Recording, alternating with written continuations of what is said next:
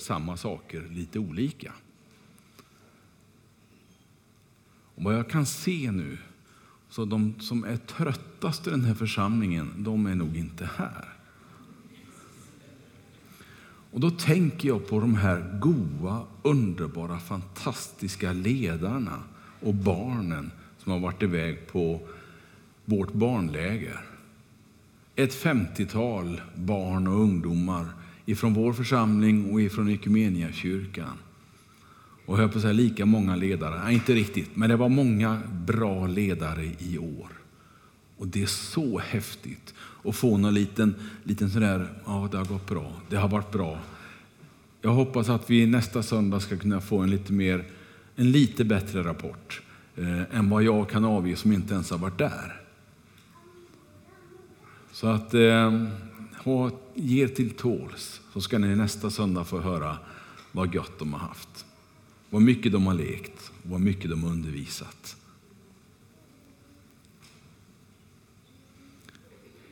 Pingstdagen i en pingstkyrka där en pingstpastor får predika, då kan man inte ha vilka ämnen som helst. Eller jag kan, men man bör inte. När vi har planerat vårens olika söndagar så har vi tänkt att eh, den här perioden runt omkring pingsthelgen tala en del om den helige Ande. Caroline hon började förra helgen med att eh, lägga lite grunder. Hon gjorde det jättebra tycker jag. Hon talar om bland annat om hjälparen, den helige Ande och med mera. Är du nyfiken så gå in på vår hemsida och eh, titta på gudstjänsten i efterhand så eh, kan du få hela serien på det sättet. Min roll idag att förkunna har varit att ta upp ämnet om Andens gåvor. Och jag tror att Bibeln vill att vi ska ha en avslappnad attityd till gåvorna. Det kan lätt bli lite mystiskt. Det kan lätt bli lite skrämmande att tala om Andens gåvor. Det kan lätt bli att man skjuter ifrån sig. Ja, det är det som den personen får ta, eller det är det som de får göra. Men det gäller inte mig. För jag är inte bra nog. Jag är inte helig nog. Jag är inte kristen nog. Det gäller bara Micke som missionär, eller det gäller bara Bengt som pastor. Eller, ja, du vet, det finns miljoner sätt att skylla ifrån sig det här. Men min tro, det är att gåvorna som Bibeln talar om, de är till för oss var och en. En avslappnad attityd i förhållande till Guds och den heliga Andes gåvor. Inte respektlöst, men inte heller att bli avskräckt. För jag har ju varit, jag har ju varit med ett tag. Och jag har ju varit med på gudstjänster och i sammanhang där man lite grann har missbrukat hur man använder gåvorna och på sättet man gör det. Jag tror inte att Gud missbrukar det. Jag tror inte att Guds tanke är att det ska bli fel. Men ibland blir det fel. Vet du varför? Därför att vi är människor. Och jag är inte perfekt. Och min tro är att inte heller du är perfekt. Och då måste vi också tillåta varandra att när vi börjar närma oss Guds helighet och hans gåvor till oss människor att så länge de kanaliseras genom människor så kan det bli fel ibland. Och om inte det är okej okay, så kommer ingen att våga ställa sig till Guds förfogande. Ställa sig till den helige Andes förfogande och säga, ja, kom helige Ande, bruka mig. För då kommer vi alla att bli så dörädda inför att göra fel. Och det är ju tokigt nog och knäppt nog att göra fel när man är själv. Men att göra fel inför en hel församling, ja, det kan sätta sina spår. Om inte den där attityden, om inte den där värmande kramen finns, så jag törs göra fel. för att göra så många gånger rätt. Jag tror att Gud har gåvor för alla i den här församlingen, för alla som tror på Jesus Kristus. Och som vanligt så ger han dessa gåvor som han ger allt annat, nämligen i nåd, i kärlek. Han ger dem inte därför att du är på ett visst sätt, därför att du har läst din bibel tillräckligt mycket eller gått på tillräckligt många gudstjänster. Nej, det går inte att förtjäna Guds gåvor i ditt liv. Men han ger dem för han älskar dig. Och han älskar sin församling så innerligt så han är villig att ge av sin helige ande för att hjälpa de troende att utföra det goda verket. Han insåg ganska tidigt, jag tror före begynnelsen, insåg att det här, den här skapelsen som kommer att komma fram ur min vilja och min kärlek, den får jag inte bara lämna och säga att okej, okay, nu har jag fixat det, nu kan jag gå och sätta mig i en stol och må lite gott. Nej, det här kommer att kräva mitt aktiva deltagande och kärlek varenda dag, varenda år, om det så blir miljarder år. Och Gud har ännu inte lämnat sin skapelse. När kyrkan föds, vi brukar kalla det här för kyrkans födelse, då, när den första pingsten är i Jerusalem strax efter att Jesus har lämnat jorden. Pingst firades innan av det judiska folket. Och kristna har det funnits ända sedan, sedan Jesus började vandra omkring och, och predika. Det är min tro. Men församlingar, det började komma strax efter att Jesus hade lämnat lärjungarna.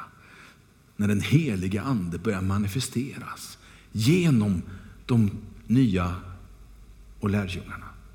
Då började man, man också inse att vi behöver träffas, vi behöver hjälpa varandra. Vi behöver, ja, det var som om Gud hade planerat från världens begynnelse att de kristna som tror på Jesus de behöver träffas, de behöver kyrkor, församlingar. Kanske inte byggnader i första hand, men de uppe i Norden, i Tibro, de behöver byggnader för det regnar ibland. Och det är så dåligt väder ibland så vi får nog hjälpa dem som kan bygga en kåk, en kyrka. Heligare än så tror jag inte att det är. Men av nödvändighet så finns det. Syftet för Guds gåvor, Andens gåvor, det är att vi ska tjäna varandra med dem. Och kanske framför allt tjäna i hans församling. Och varför? Ja, men det är för att Gud ska bli ärad. Tro inget annat. Det är inte för att jag ska få visa vad bra jag är. Det är inte för att jag ska få visa allt jag har läst i bibelboken och lärt mig i den och kunna predika om det. Utan det är för att när Gud använder mig så ska han bli ärad. Det vore så konstigt annars om det var så att alla vi pastorer skulle ta åt oss äran. Eller att Micke skulle ta åt sig äran när han är ute på missionsfälten och döper och människor blir troende. Ja, det är, då är det Micke vi ska säga att åh vad bra du är Micke, kanon. Nej, det är Gud som ska ha äran för de människor som, som blir troende när du drar fram. De människor som blir troende i din omgivning. De människor som du får vittna för. Var tacksam, men ge Gud äran. För när vi gör det, då är det precis som att när vi ger ut och säger tack Gud för att jag får vara med, då får jag mer. Det är precis som kärleken i övrigt. När jag ger så får jag mer. Det är klart det är så. Det är Gud som är kärlek, så det förvånar mig inte alls. Nu tänkte jag ta tre saker som, eh, om Andens gåvor. För att predika om allt om Andens gåvor, ja, det skulle ta en predikoserie förstår du. Och det kanske vi hinner med så småningom, men inte idag. Låt mig få börja med att läsa första Korinthierbrevet 12. Det finns på väggen där också så du kan följa med. Första Korinthierbrevet 12.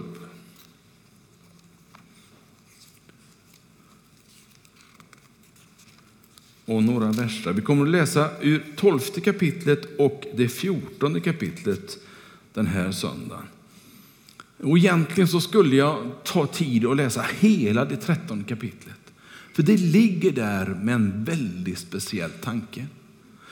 I det tolfte och fjortonde kapitlet så handlar det mycket om den heliga Ande. Och den heliga Ande gör i oss, vad den heliga Ande är i oss och vad vi kan få vara med om. Men det trettonde kapitlet handlar om kärleken. För allt detta ska ske i kärlek. Allt detta kommer ursprungligen ur Guds kärlek. Och där får du och jag tjäna. Och då ska vi också tjäna i kärlek.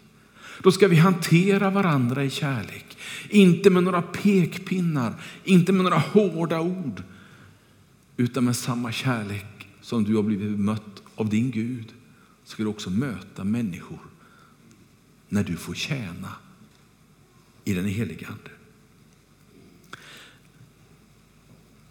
Det var en förklaring till varför jag inte läser alla de här tre kapitlen och alla andra bibelställen i Nya Testamentet som handlar om den helige Ande. För det är inte så få, det är ganska många. Det tolfte kapitlet och verserna 27 och 28 var tanken. Ni är alltså Kristi kropp och var för sig delar av den. Gud har i församlingen för det första satt några till apostlar, för det andra några till profeter och för det tredje några till lärare. Sedan några till att göra kraftgärningar och andra till att få gåvor att bota sjuka till att hjälpa, styra och tala olika slags tungomål. Då orkar jag inget mer. Det där låter jobbigt. Ska jag göra allt det här? Ska du göra allt det här? Det här har du som har varit med i kyrkan i många år, liksom jag kanske. Du har hört många fantastiska förkunnare predika om det här, undervisa om det. Jag har varit på bibelskolan några stycken och jag har fått undervisning om det här. Nu borde jag väl kunna det här? Nej, jag kan inte påstå det att jag kan det. Men vet du, fortfarande så står min längtan till att få se gåvorna i funktion. Det här är nämligen bara några exempel på gåvor. Det här är inte gåvorna specifikt och ingenting annat som finns runt omkring. Utan det finns en mängd olika gåvor. Jag ska hjälpa dig lite grann med att försöka och, och eh, tala om varför jag tror att det är så. Man brukar tala om grundgåvor. Eh, där hör det här att tjäna varandra. Där hör det till att ha den där lärarkallet i sitt liv, eller läraruppgiften i sitt liv. Där hör det till att vara den här som alltid stöttar andra. Den här som alltid är beredd att ge till andra. Det är de här grundgåvorna exempel på. Gåvor som, som finns i personer, i personligheten till och med. Någonting som du har oavsett om du blir kristen eller inte. Någonting som finns nedlagt. Kanske du har ärvt någon till och med utav det. Man brukar kunna se det där att är någon annan i familjen just det här så är det lätt att barnen kommer in i det också. Och Det kan vara delvis nedärvt och det kan delvis vara det goda exemplet. Det finns grundgåvor. Men sen finns det också ledarskapsgåvor. Och här kommer texten in. Det är de här som blir apostlar. De här som blir profeter, evangelister och herdar och lärare. Det är liksom gåvor som Gud ger till sin församling i ledarskapstanken. Jag vet att det inte alltid är så enkelt att peka på vem som har en viss gåva. Och vet du, jag är inte hundra på att det är det viktigaste heller. Men jag kommer så väl ihåg när jag var här på intervju. Kommer du ihåg det? Jag satt här. Och Patrik satt där. Och han frågade mig någonting i stil med vem jag var och vad, vad jag hade för någon viktig sak i, i det hela. Och jag sa, jag tror att jag är en herde, sa jag. Och i samma ögonblick som jag sa det så, mm, vänta lite, vad säger jag? Törs man säga så? Att jag tror att jag har någonting? Men det var ju inte år ett i min tjänst som jag sa det. Jag har ju provat i några år. Jag har ju testat i några år. Jag har varit den där evangelisten som for omkring på skolorna och talade om Jesus. Och det var väl kul, men det var inte min grej. Jag har varit den här som har tagit hand om ungdomarna nästan lika bra som Karro gör det. I flera olika församlingar. Men det var inte min grej. Men jag fick gå in i en uppgift och känna av det här att bry mig om många människor. Helt plötsligt kände jag, wow, här är min grej. Jag kan visst stå på en skola och tala om Jesus, inga problem. Jag kan vara med ungdomarna och tala om Jesus och undervisa, det är inga problem. Men det är inte det som är mitt huvudmål, det är inte det som är min roll. Det är herdeskap. Och det kanske får vara det i mitt liv. Utan att någon säger, ja men du skulle ju vara evangelist också. Ja, men jag är nog det till viss del, men min huvuddel kommer alltid att ligga i herdeskapet. Precis som din huvuddel kanske ligger någon annanstans, men du fuskar lite i de andra också. Jag har till och med fuskat som lärare, gubevars, i många år dessutom. Så jag tror att det finns alltså grundgåvor, det finns ledarskapsgåvor. Om församlingen är smart, vilket jag tror att ni är, så ska ni be. Ge församlingsledningen ledarskapsgåvor. Gud, låt ledarskapet få blomma i gåvorna. För det mår både vi och de väldigt bra utav. Jag ska bara göra så här, för jag märker att rätt vad det är så kommer jag att snubbla på den här. Och det vill varken ni eller jag. Sådär. Det tredje det är alltså att det finns övernaturliga gåvor. Och där finns en hel uppräkning också. Gåvor av visdomens ord, kunskapens ord. Trons gåva, den här som, som tror på en sak nästan in i absurdum. Det finns ingen i världen som kan övertyga om att det här inte går. Den som har trons gåva säger, det går ändå. Jag tror på Gud, han kan. Har du mött de människorna? Jag har mött några stycken. De är orubbliga i sin tro. Nästan in i absurdum, det blir nästan tokigt, men de får ju rätt. Det blir ju så till slut. Helandets gåvor, det är en del av de här övernaturliga gåvorna. Kraftgärningarnas gåva när det händer saker som går emot både natur och annat. Eller profetians gåva, eller andebedömningens gåva. Den här som kan som bara, men någonting stämmer inte.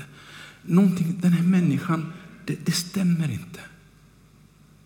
Vittnesbördet är en grej, men jag känner någonting annat. Det här är inte bra andebedömningens gåva kommer att behövas mer och mer i vår kristna församling. När vi möter människor på olika sätt för att kunna hjälpa dem vidare och hjälpa dem att förstå att det här är inte bra, du ska göra så här istället. Då kan vi behöva de här kraft eh, övernaturliga gåvorna. Det finns, som jag sa, profetians gåva. Där finns eh, gåvan att tala tungor. Och då tänker jag inte på det vanliga tungomålstalandet när man ber till Gud, för det, det, är en sak. Men ibland så, så kommer det bara över en och man börjar prisa Gud i nya tungor. Och alla känner wow, trots att man inte fattar ett smack. Det är tungomålstalandets gåva. Och om allt stämmer då så finns det med någon annan, eller också är det samma person som kan faktiskt säga att det här var vad det betydde. Gud hjälper mig att förstå vad det inte jag och någon annan förstod i tungomålstalandet. Men så här är det. Det är att kunna översätta. Det finns alltså gåvor. Ni hör, jag har redan rabblat upp så många så jag har glömt de första jag sa. Och det är inte meningen att jag kommer ihåg allt vad det heter och allt vad det är, utan just att det finns olika. Sen finns det en fjärde kategori också som egentligen inte har med Gud att göra lika mycket. Men Bibeln talar om dem, de är väldigt märkliga. Det finns en berättelse i, i Moseböckerna när man skulle börja bygga och, och göra eh, det här tabernaklet. Man hade flytt ut ur Egypten och skulle in i Sina i öknen och så skulle man gå där. Och Gud ville att de skulle ha någonting med sig där de kunde fokusera sin gudstjänst vid. Man byggde och man tillverkade tabernaklet. En träkyrka skulle vi kunna kalla det för.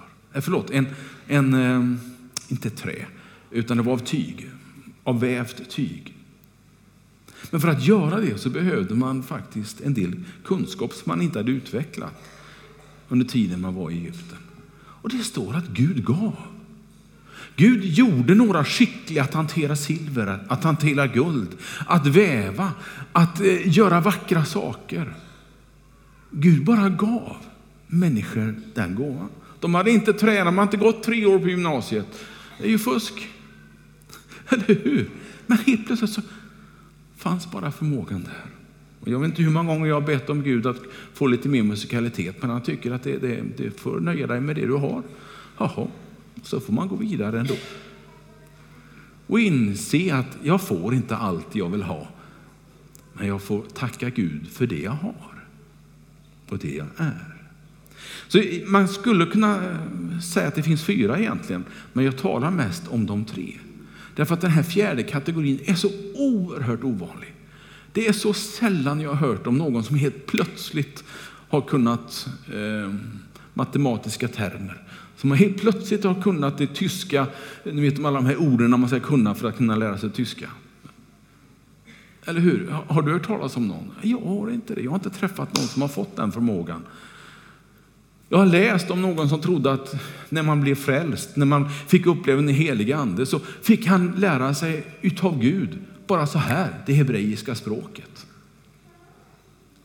Och han var så övertygad om detta, det här skedde tidigt 1900-tal. Så han sa till de, sina eh, vänner där i, i kyrkan i USA att jag tror att jag ska åka till, till eh, Palestina, som det hette på den tiden, och vittna för judarna om Jesus. Och han for iväg, vet ni. Och på båten, när han kommer in i Medelhavet på båten där så, så möter han en, en judisk person som kunde hebreiska. Och han börjar ju prata med den här naturligtvis, men han får inga vettiga svar. För han fattar ju inte svaren. Och mannen som han talar med fattar inte ett smack vad han säger heller. Och han blir så besviken, den här missionären, för att det inte var som han trodde. Så han åker hem. Och vet du var det var någonstans? Skaraborg. Han åker hem till Skaraborg och är jättebesviken, men får bli ett fantastiskt redskap för den heliga Andes framväxt i vår del av Sverige. Så Gud använde honom trots hans misslyckande. Trots att han inte var bäst på det han trodde att han var bäst. Så använde Gud honom på ett fantastiskt sätt ändå. Hur framträder de här gåvorna nu då? Jo, då kan man se två olika sätt. Det ena det är den här regelbundna, man nästan kan kalla för en tjänst.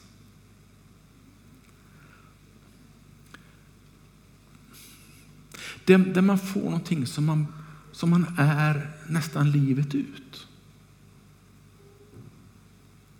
Det andra, det är när man får någonting bara tillfälligt. När Gud liksom använder dig och det bara, det bara funkar. Du bara gör det. Du bara är profeten där gången när du får möta en människa och säga att ja, men är det inte så här? Oh, fantastiskt. Det har jag aldrig varit med om att någon har sagt. Nej, jag har aldrig sagt så till någon heller. Och det kanske aldrig mer säger det heller. Alltså, Gud kan i sin nåd kan han ge dig ett uppdrag, en tjänst. Men han kan också använda dig tillfälligt. Därför att det finns ett just behov av det just då. När den här människan kommer kanske det inte finns någon profet tillgänglig. Eller någon som, som har helbrägdagörelsens gåvor. Eller som har kraftgärningens gåva. Men Gud kan använda dig ändå.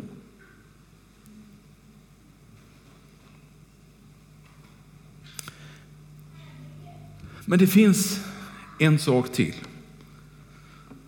Och det är att det här kan vi se som ett verktygsskåp. Alla de här gåvorna kan vi se som verktyg. Och nu ska jag bläddra fram till det fjortonde kapitlet. Vers 4 och 5 tror jag det är. Och vers 12. 14 kapitlet, vers 4 och 5 står det så här. Den som då talar tungomål och som då bygger upp sig själv, men den som, tar, den som profeterar, han bygger upp en församling. Jag vill gärna att ni alla talar tungomål, men ännu hellre att ni profeterar. Den som profeterar är viktigare än den som talar tungomål ifall han inte uttyder sitt tal så församlingen förstår och blir uppbyggd. Så vers 12. Så är det också med er. Eftersom ni är ivriga att få Andens gåvor, sök då sådana som bygger upp församlingen så att ni har dem i överflöd. Och här tänker jag nu inte speciellt på vad som är viktigast, den tungomålstalande eller profetierna. Det är inte den delen som jag tänker på, utan gång på gång så står det den som bygger upp. Och då behöver man verktyg. Jag vet inte hur många som har något liknande, så här är kanske inte lika bra ordning som det är på den här bilden. Men många har verktyg hemma. En del har verktyg i tre lager på en, en hylla, en bänk. Och nåde den som flyttar på för då hittar man dem inte nämligen. Om det är någon som gör ordning allt det där. Men själv så hittar man perfekt varenda verktyg. Va? Men kommer det någon annan så får man städa en vecka först innan man hittar någonting. Det är lite olika. Men jag tror att det är så här man kan se på Andens gåvor. Det är som verktyg. Och jag vet inte vilket verktyg jag skulle vilja vara på, på den här bilden. Och kanske inte spelar någon roll heller. Om jag är en skruvmejsel, eller om jag är en stor fet borrmaskin. Eller om jag är en liten, liten skruv. En liten, liten håltagare bara, en liten spets bara. Eller en stor rörtång. Därför att när verktyget behövs, då är det viktigt att det finns. Jag kan ju leta mig fördärvad efter en speciell nyckel som man ska ha till just den där speciella muttern. Hittar jag inte den så hjälper det ju inte att ta en större sån här eh, skiftnyckel. Det hjälper ju inte att ta en mindre och prova, prova och prova. Det kommer ju aldrig att funka. Nej, det gäller att jag har rätt verktyg. Och jag tror att Gud tänker ungefär så här. Han ser på församlingen, han ser på er som sitter här idag. Och så tänker han, åh, där är min älskade hammare. Och vilken fantastisk hyvel det sitter här. Tänk när jag ska få använda den där skruvmejseln. Eller den målarpenseln.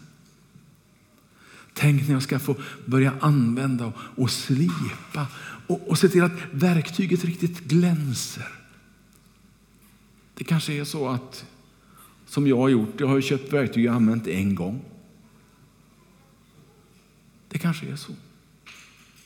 Eller det kanske är verktyg som man sätter till och med i en ficka, speciell ficka i arbetsklädseln och man använder det vart 50 minut nästan. Men egentligen så spelar det ingen roll. Bara jag finns där när Gud behöver mig. Bara jag säger Gud kom in i mitt liv. Helig ande utrusta mig, använd mig. Om det så är en gång på två år, eller om det är varje dag, eller om det är en gång i livet. Heligande, jag vill vara ditt verktyg. Gud i himmelen, du som kan hantera alla typer av verktyg. Du som förstår dig på alla sorters människor som inte jag begriper mig på alla gånger. Varför tänker människan så här? Varför blev det si? Varför blev det inte så här? Ibland kan till och med verktygen komma i konflikt med varandra. Det är som om en del skruvmejslar tycker att skiftnycklarna inte behövs tillräckligt bra. Så man tycker att de, de, de är inte riktigt gjorda för det där. Att skruva i en skruv. Nej, säger skiftnyckeln, det är klart vi inte är. Vi är gjorda för att dra en mutter. Jaha, okej. Okay. Alltså, den uppgift du har, den är vacker. Den behöver Gud. Den behövs i församlingen. Gräv inte ner din uppgift och säg att ah, men det, Anders gör det här mycket bättre. Han får ta över det här. Utan säg istället när Gud kommer, kanske på kvällskvisten när du har lugnat ner dig efter dagens alla göromål och säger Psst, vill du bli ett språkrör för mig? Psst, vill du bli en, ett verktyg? Vill du vara någonting i Guds rike? Och jag önskar att du skulle säga ditt ja då. Jag önskar att du skulle säga ja, Herre, kom. Jag vet inte riktigt vad det är jag ska göra eller, eller var jag ska vara. Eller, men Herre, okej. Okay. Du älskar mig, jag tror på dig. Det blir bra då. Det blir bäst då. Det är tanken med alla de här bibelställena om de olika gåvorna. Och vi kan detaljstudera gåva för gåva och se när den används i Bibeln och när, hur den används i Bibeln. Det går att studera det här. Och ändå, när Gud kommer så gör han på sitt sätt ändå. Så kanske det inte sker så som exakt det står i förlagan. För Gud är fri att vara Gud. Den helige ande är inte någon pastor i en kyrka. Den helige ande är suverän. Han kan ge dig ett uppdrag som till och med kanske glider lite utanför det du är utbildad till. När jag gick i gymnasiet så utbildade jag mig till teleingenjör. Eller inte ens ingenjör, det var mer att skruva ihop och löda grejer. Det var det som var tanken. Och det har vi gjort kanske ett halvår i mitt liv, inte mer. Så det är inte alltid som det är det viktigaste, det jag utbildar mig till eller, eller det som, som jag har fallenhet för. Även om det förvånansvärt ofta ligger inom samma område som Gud tänker.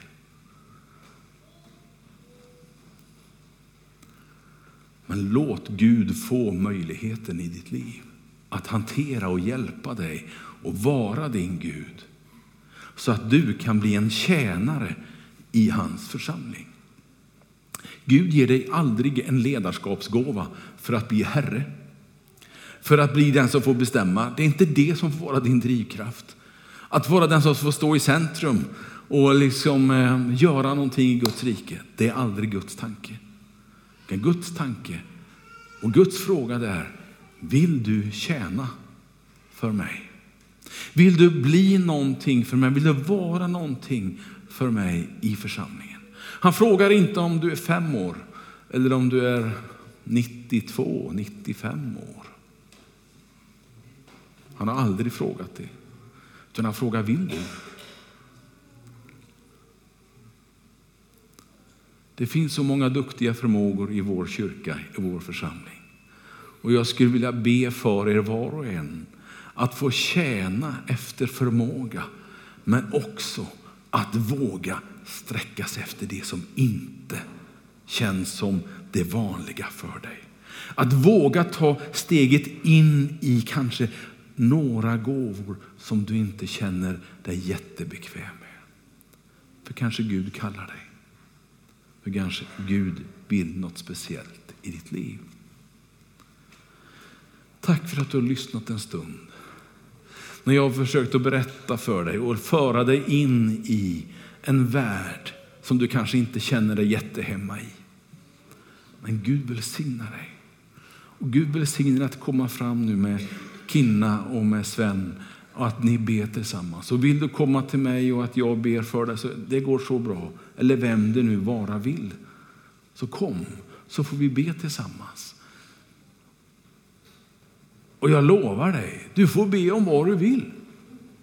Och vi kan be tillsammans. Jag sa inte att du får allt du vill, eller hur?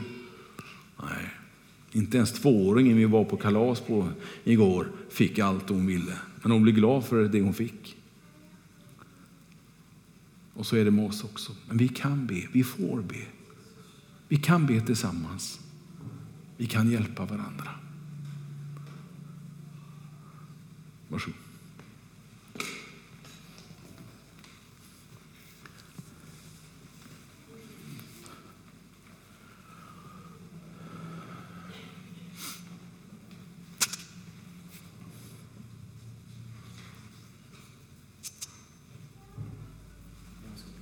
ska sjunga en sång för er medan ni begrundar Bengts predikan. Det passar så bra med det Bengt sa, att det är Gud som väljer verktyget.